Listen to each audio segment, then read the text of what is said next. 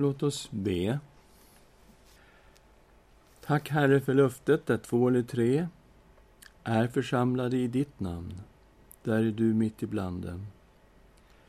Tack, Herre, att vi får välkomna dig. Vi ber, gode Gud, fyll oss med din heliga Ande. Vi ber, öppna ditt ord för oss. I Jesu Kristi namn. Amen. Ja, vi har börjat med Joels bok.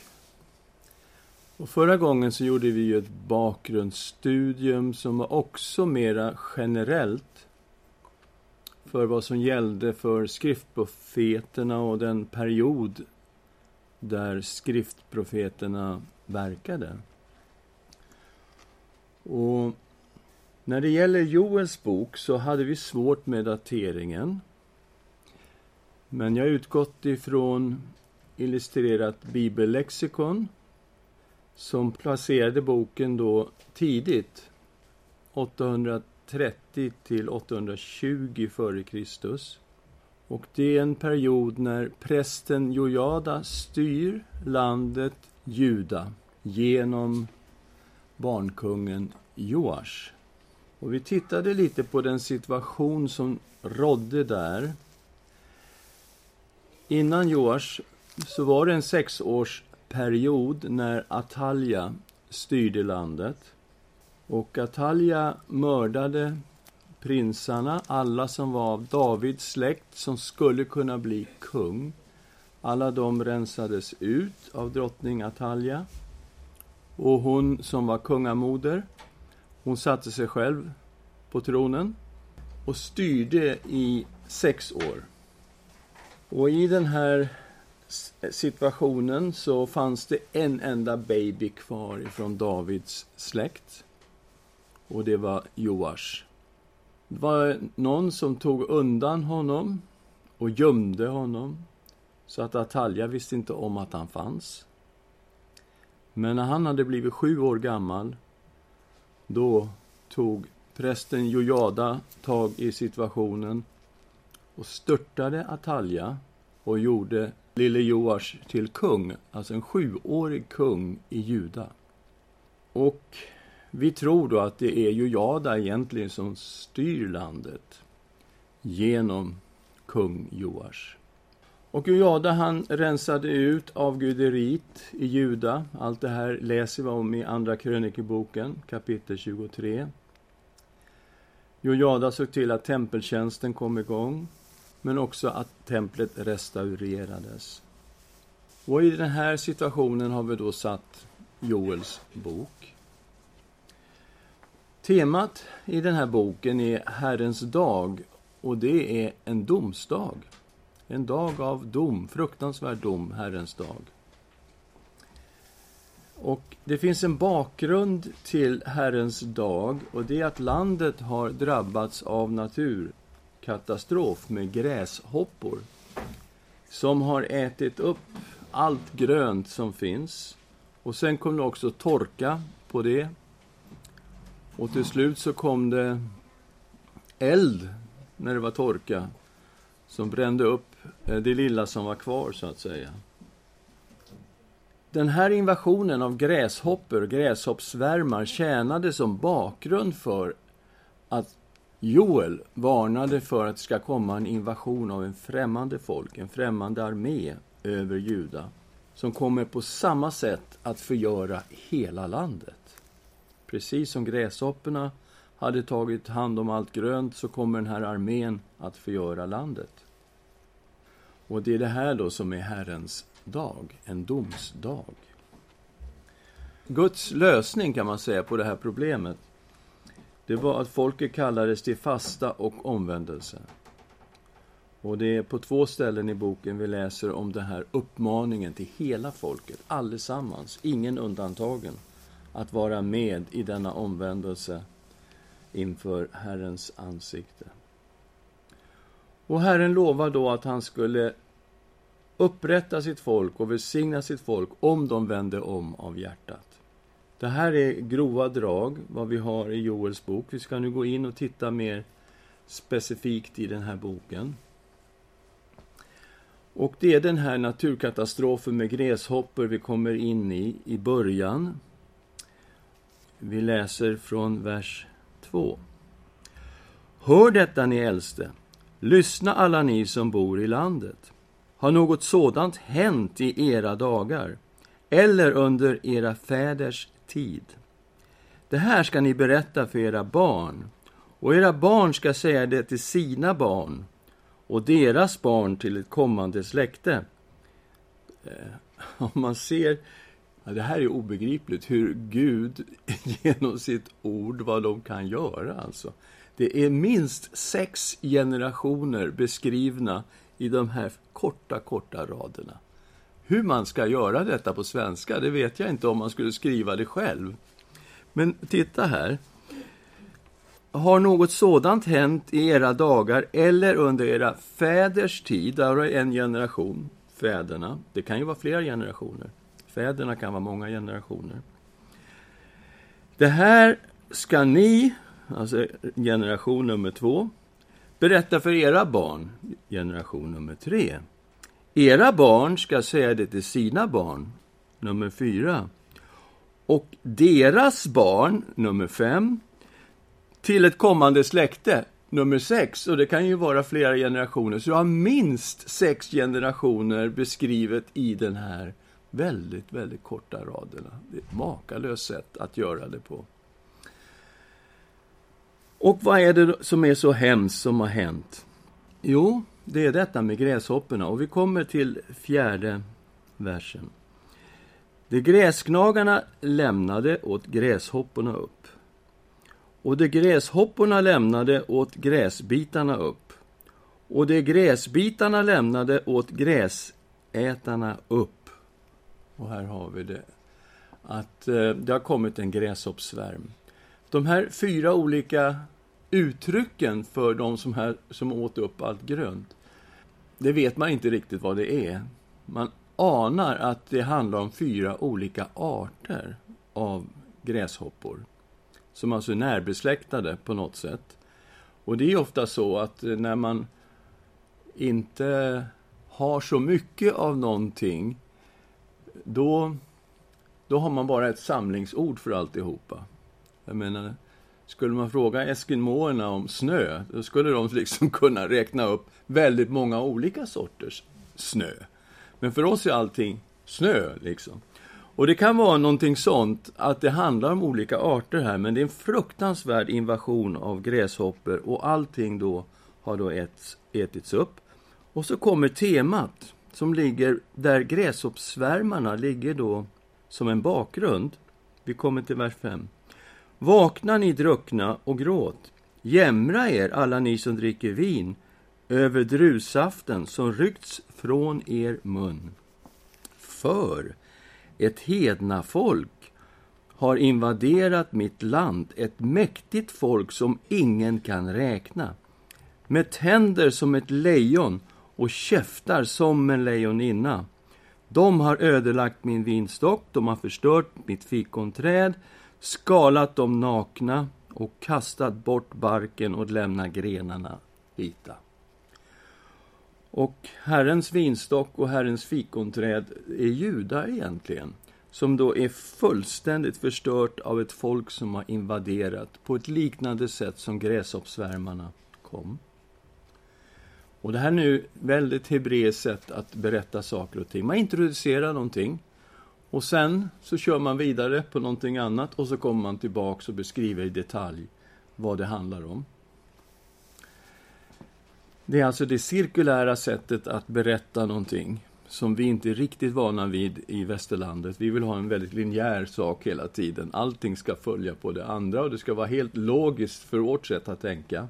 Men för österländska sättet går det väldigt mycket runt, runt och varje gång man kommer tillbaka så förstärks temat. Det är så man gör. Man går runt, runt, återkommer och förstärker. Så är den österländska, den hebreiska berättarkonsten som vi ser ofta i Bibeln. Och folket uppmanas här till att sörja inför Herren. Det är första gången som de uppmanas till sorg här. De ska klaga som en brud i sorgdräkt efter sin ungdoms brudgum. Och prästerna ska sörja. Fältet är ödelagt, marken sörjer. Och ni märker här i Joels bok, och det är flera gånger i Gamla testamentet, att landet personifieras och beskrivs som någon som kan sörja.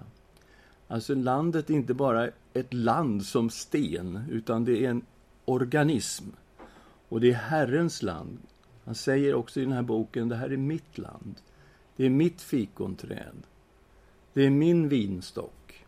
Det är Herrens och landet är personifierat. Och marken sörjer.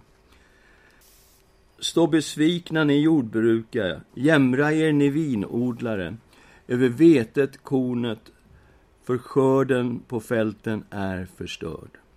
Vinstocken är förtorkad, fikonträdet vissnat, granatäpplet och dadelpalmen och äppelträdet. Markens alla träd har torkat bort. Glädjen har vissnat från människors barn. Och i detta då, klä er i säcktyg. Klaga ni präster, jämra er ni som tjänstgör vid altaret. Gå in och sitt i säcktyg hela natten, ni, min Guds tjänare. För det finns inga mer matoffer eller drickoffer i er Guds hus. Pålys en helig fasta. Utropa en högtidsförsamling. Samla de äldste, samla alla som bor i landet till Herren, er Guds hus, och ropa till Herren. Och hela folket uppmanas här att ta del i en sorts omvändelse med fasta och bön, och man ska ropa. Man säger den här katastrofen de lever i tjänar som en förebild för Herrens dag. Titta på vers 15. Ve oss vilken dag, Herrens dag är nära. Den kommer som förödelse från den allsmäktige. Så det är det här som ligger till bakgrund för detta med Herrens dag. Och det har alltså kommit gräshoppor och det har kommit torka. Träden har torkat, allt har vissnat, det har blivit katastrof. Till och med utsädet för nästa år, det är redan borta. 17 versen. Utsädet ligger förtorkat under klumpar av jord. Förrådshusen står öde och ladorna förfaller för säden har torkat bort. Vad boskapen stönar. Jordar av kor irrar omkring, det finns inget bete. Även fårjordarna går under. Alltså man ser katastrofen framför sig här. Eh, gräshoppor, och så torka. Men sen kommer eld och det vet vi i Sverige i år att när det är väldigt torrt, då kan skogsbränderna sätta igång nästan av sig självt. Jag ropar till Herren, för eld har förtärt betet i ödemarken och flamman förbränt markens alla träd. Även de vilda djuren längtar efter dig, för bäckarnas vatten har torkat ut och en eld har förtärt betet i ödemarken. Så katastrofen har så att säga fullbordats genom bränder. Så ser det ut och det är i den här situationen som Joel kommer med Guds budskap om Herrens dag och varnar folket för vad som kommer att hända. Vad ska hända? Jo, en främmande armé ska invadera Juda på Herrens dag. Blås i basun på Sion, låt larmet ljuda på mitt heliga berg så att alla som bor i landet darrar, för Herrens dag kommer. Den är nära. Så nu ser vi hur den här katastrofen som har hänt ligger som en bakgrund till det profetiska budskapet om en kommande invasion och att det här betyder att Herrens dag är nära. En dag av mörker och töcken, en dag av moln och dimma som gryningen breder ut sig över bergen kommer ett stort och mäktigt folk, vars like inte har funnits och aldrig ska uppstå igen under kommande släkten. Framför den går en förtärande eld, bakom dem en brännande låga. Landet framför dem var som Edens lustgård. Bakom dem är öde öken. Ingen kommer undan dem.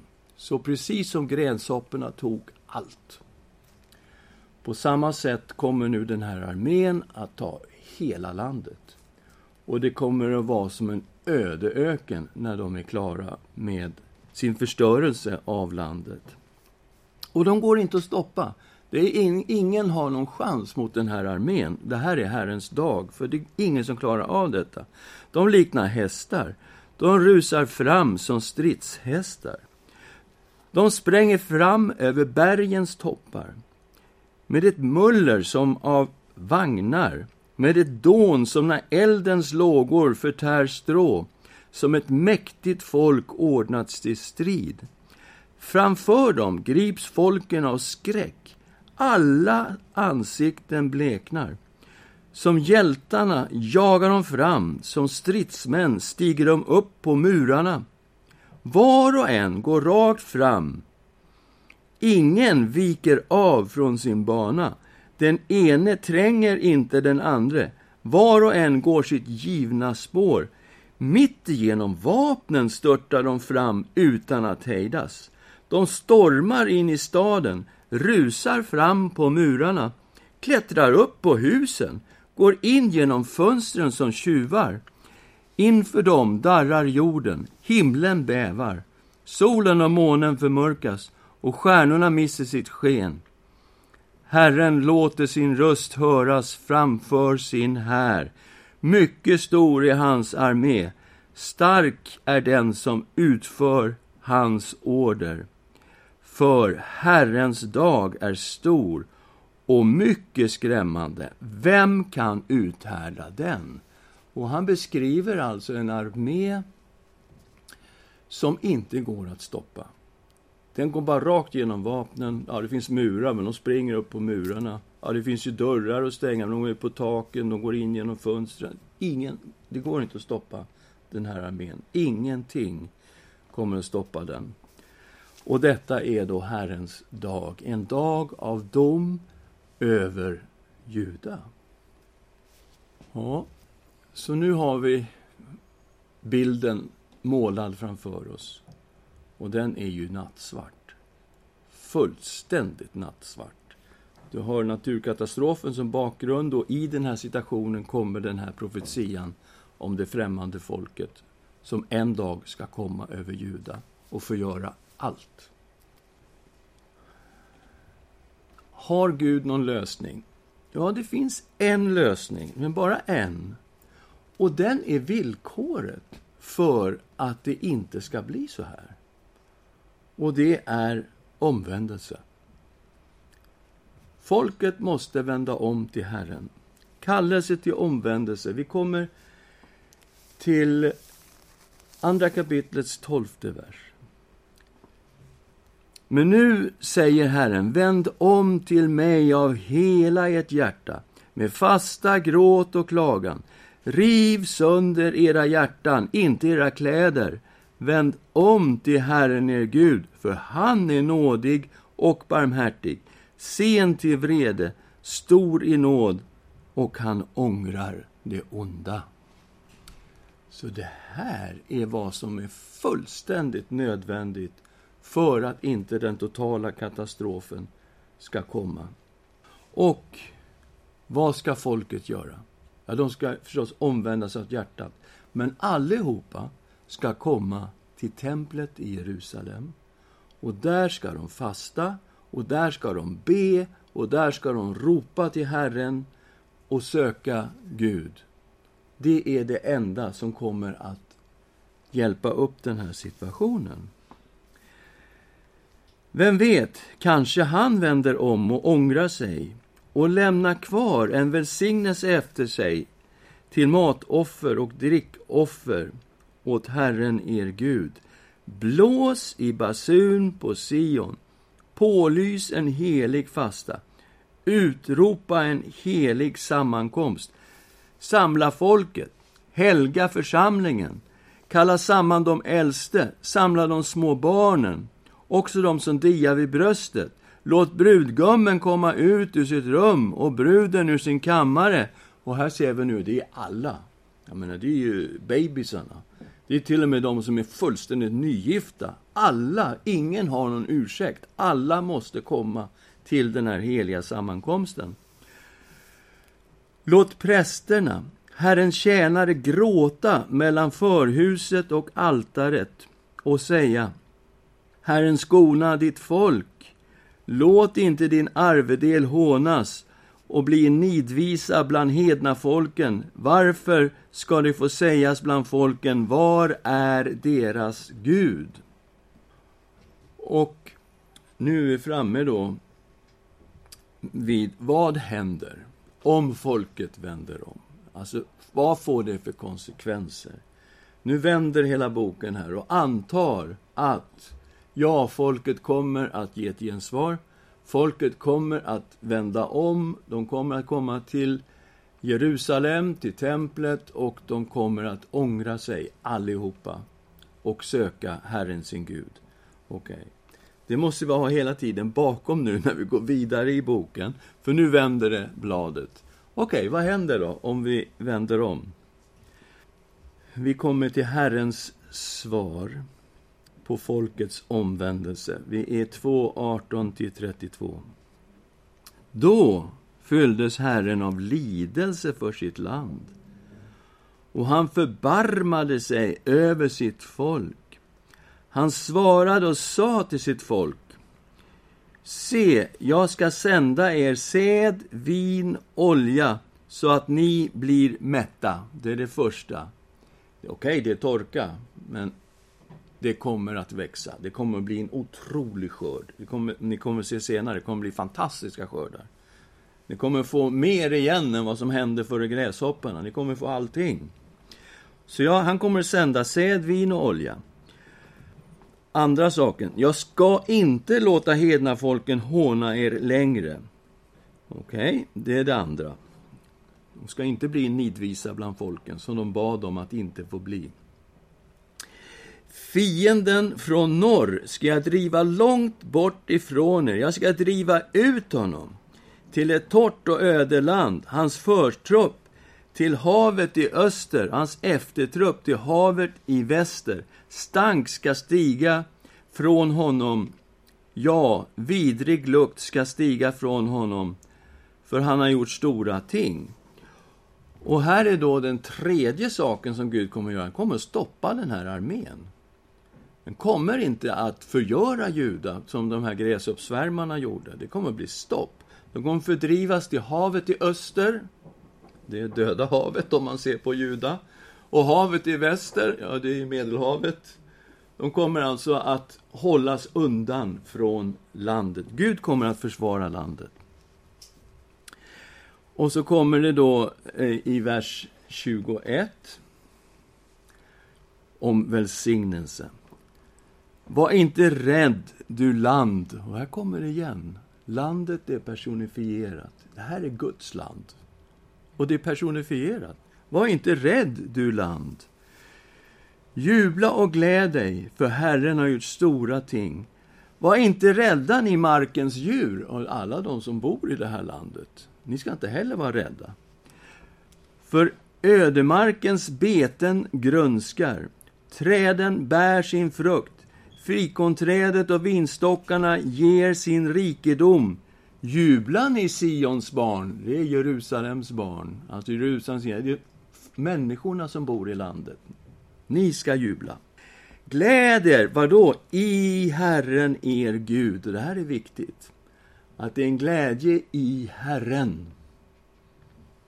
För han ger er läraren till rättfärdighet han ska sända er rikligt med regn, både höstregn och vårregn som tidigare. Så nu kommer välsignelserna. Gud, det som hände före Eh, alltså det var ju gräshopporna, det var torkan och det var elden, totalkatastrof. Nu är det precis tvärtom. Om ni vänder om av hjärtat, då kommer det här. Så att tröskplatserna fylls med säd och pressarna flödar över av vin och olja. Jag ska gottgöra er för åren som åts upp av gräshopporna och gräsbitarna, av gräsätarna och gräsgnagarna, den stora här som jag sände ut mot er. Ni ska äta och bli mätta, och ni ska lova Herren er Guds namn, han som handlar så underbart med er. Och mitt folk ska aldrig mer komma på skam.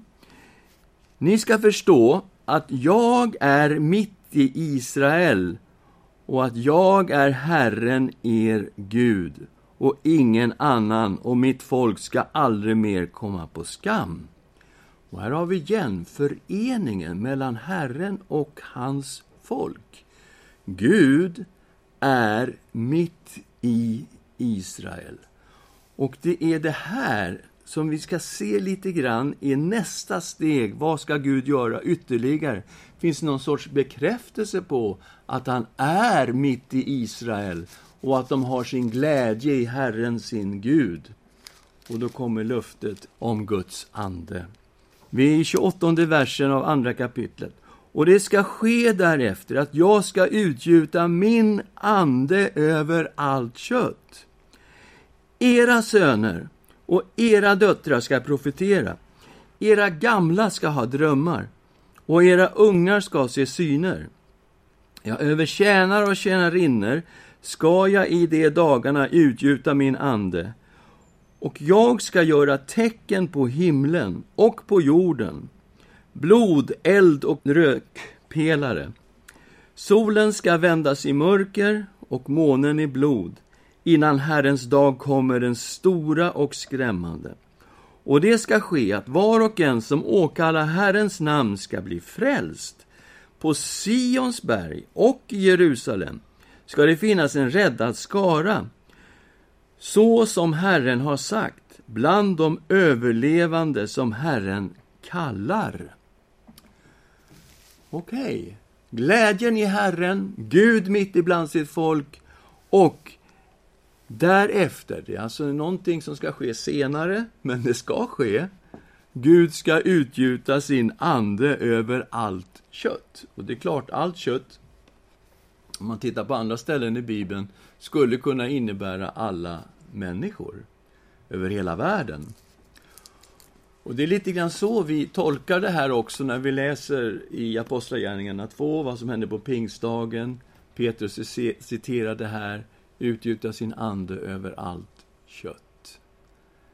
Men jag tror inte Joel har den tanken här, utan han talar om alla sorters människor i judafolk.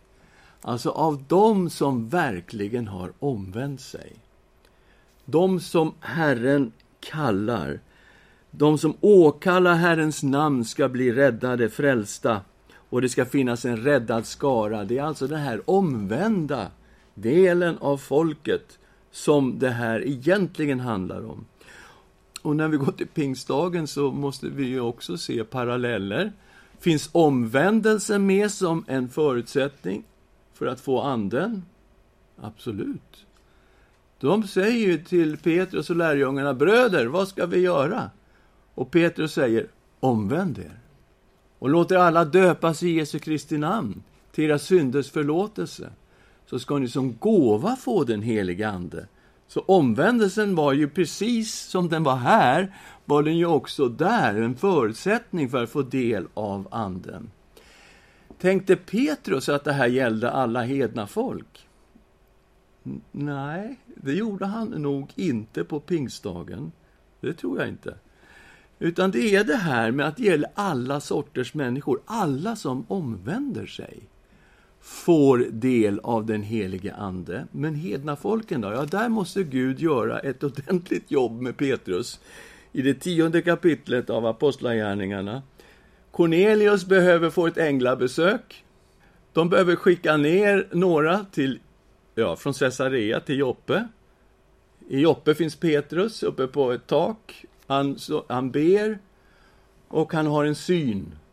Och det kommer ner den här duken med alla djuren och alltihopa och Gud säger slakta och ät och Peter säger nej, aldrig något orent, nej, jag äter inget sånt här. Tre gånger kommer synen. Och sen knackar de på dörren där nere. Och den helige ande säger till Petrus, du ska gå med de här. De är hedningar. Petrus, han har inte förstått synen än. Men när han följer med de här till Caesarea, då börjar han förstå vad den här synen innebar. Det gäller ju hedna folken som vi som judar har betraktat som orena. Evangelium gäller dem. Och så går han in i hedningen Cornelius hus, fast han är jude, och ställer sig där och predikar om Jesus, och den helige Ande faller. Och då kommer Petrus och säger, men om det här var ju precis som hände på pingstdagen med oss. Det här är ju hedningarnas pingstdag. Nej, vi måste döpa dem i Jesu namn. Och så döper de dem, och när Petrus kommer därifrån så tar ju liksom församlingen i Jerusalem in honom till husförhör och säger till Petrus, vad har du gjort? Har du gått in till en, en, en hedning? Och då berättar Petrus hela den här berättelsen. Och helt plötsligt förstår församlingen i Jerusalem, evangelium gäller inte bara judarna. Det gäller alla folk. Och detta med att Gud säger jag ska utgjuta min ande över allt kött får en helt ny dimension. Oj, det gäller alla. Men här i Joel gäller det alltså alla sorters människor. Det spelar ingen roll om du är adel eller du är slav. Det gäller precis alla. Era söner och döttrar gäller det, de ska profetera. Era gamla ska ha drömmar. Era unga ska se syner, nu har vi täckt in hela folket. Men också över tjänare och tjänarinnor ska jag de dagarna utgjuta min ande. Det gäller precis alla. Och vad är kravet? Omvändelse. Att ropa till Herren, var en som åkallar Herrens namn ska bli frälst. Det är det som är kravet. Vi kommer att gå in i det här mer nästa gång, för nästa gång kommer vi att se hur de här texterna är behandlade i Nya testamentet. Så eh, bli inte ledsna att vi lämnar det här och går vidare här nu. Men hur var det då med Herrens dag? Det är ju en domedag. En främmande armé skulle komma och förgöra Juda helt och fullt. Hur blir det med Herrens dag? Herrens dag vänder. Istället för att vara en domsdag för Juda, så blir det en domsdag för folken som är runt omkring Juda, hedna folken, kommer att dömas på Herrens dag. Varför? Därför Juda har omvänt sig. Det är det vi måste ha i bakgrunden hela tiden. Det här är ingen automatik. Det är därför att de har omvänt sig som allt detta kommer att hända. Guds dom över Israels fiender, och det är det tredje och sista kapitlet i Joel. Herren skulle döma hedna folken runt omkring. För se de dagarna och på den tiden när jag gör slut på Juda och Jerusalems fångenskap. Jag vet att det här fångenskap behöver inte översättas fångenskap i Bibel 2000 har då jag vänder Juda och Jerusalems öde. Och eh, NIV har också ändrat det här till restore, återupprättar alltså. Eh, 1917 har återupprättar, så att det behöver inte betyda fångenskap. Och när man tittar hur det här ordet är översatt på andra ställen i Bibeln, i Gamla Testamentet, så ser man att ibland är det översatt fångenskap och ibland har det just med öde att göra. Fortunes, vad som ska hända, vad det ska bli. Så Gud kommer att förändra situationen. Jag ska samla alla hedna folk och föra dem ner till Josafats dal. Där ska jag hålla dom över dem för mitt folks skull. Min arvedel Israel, som de har skingrat bland hedna folket. De har delat mitt land och kastat lott om mitt folk. Josafats dal, vi vet inte om det är kung Josafat som har levt då eh, lite tidigare. Eller om det bara är ett namn på en dal, därför att Josafat betyder Herren håller dom. Det är vad Josafat betyder. Eller Josafat, som det står här. Och vad har hedna folken gjort? De har delat landet, kastat lott om ett folk. De betalade en prostituerad med en pojke och sålde en flicka för vin som de drack upp. De har alltså tagit slavar. Slavar är som pengar på den här tiden. Man tog fångar och sen så sålde de de här fångarna. Och någon hade sålt en pojke för en prostituerad och någon hade sålt en flicka för lite vin.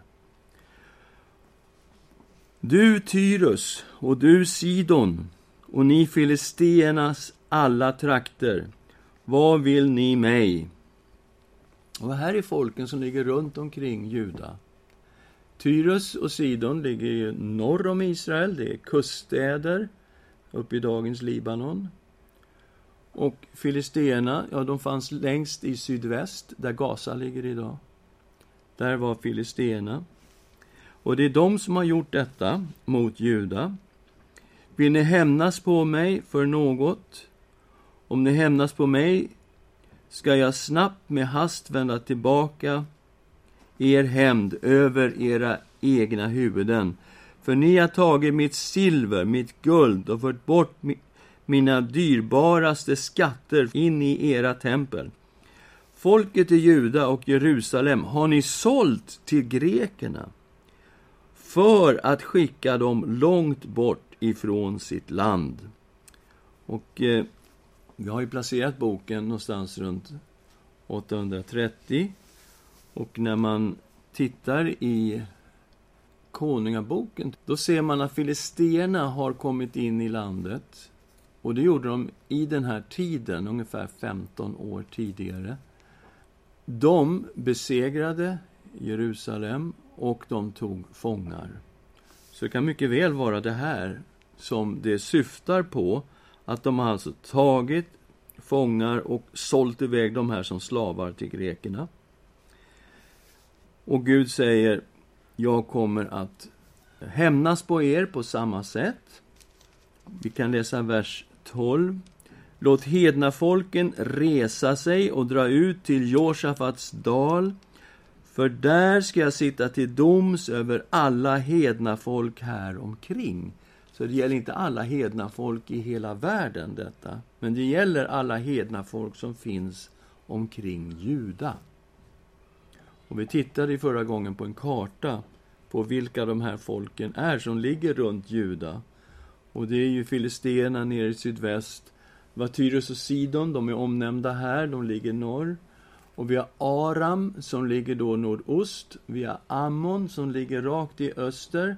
Och vi har Moab och Edom som ligger öster om Döda havet. Det är de här folken som ligger runt omkring eh, Juda och Israel. Och Herren kommer då att rädda sitt folk på Herrens dag. Vi kommer till sextonde versen. Herren ryter från Sion. Han låter sin röst höras från Jerusalem så att himlarna och jorden bävar. Men Herren är en tillflykt för sitt folk, ett skydd för Israel. Och ni ska förstå att jag är Herre min Gud som bor på Sion, mitt heliga berg. Jerusalem ska vara heligt och främlingar ska inte mer ta vägen genom henne och bergen ska drypa av druvsaft och höjderna flöda av mjölk. Alla bäckar i Juda ska flöda över. En källa ska utgå från Herrens hus och vattna Akasiedalen. Egypten ska bli en ödemark och Edom en öde öken eftersom de brukade våld mot judafolk och spilt oskyldigt blod i deras land. Juda ska vara bebott för alltid, Jerusalem från släkte till släkte. Jag ska utplåna deras blodskulder, dem som jag inte redan har utplånat. Herren bor på Sion.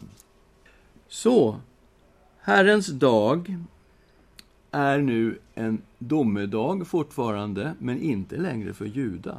utan Herrens dag blir en domedag för hedna folken. Varför inte Juda? Jo, därför att Juda har omvänt sig. Fjortonde versen. Det är skaror på skaror i domens dag, för Herrens dag är nära i domens dal. Ja, begreppet Herrens dag är kvar, men nu som en domedag för hedna folken. Och Herren kommer då att rädda sitt folk Israel, han kommer att välsigna dem, men han kommer att döma folken som är runt omkring. Vi gör en sammanfattning av Joels bok, försöker få ett helhetsgrepp. Invasion av gräshoppor låg till grund för Guds varning för en fruktansvärd invasion av en främmande här på Herrens dag. Guds lösning var sann omvändelse av hjärtat. Om folket omvände sig skulle Gud beskydda och rädda sitt folk.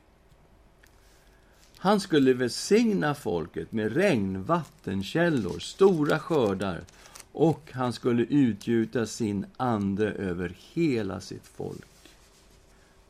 Herrens dag skulle växla från en domsdag för Juda till en domsdag för hedna folken runt omkring Juda.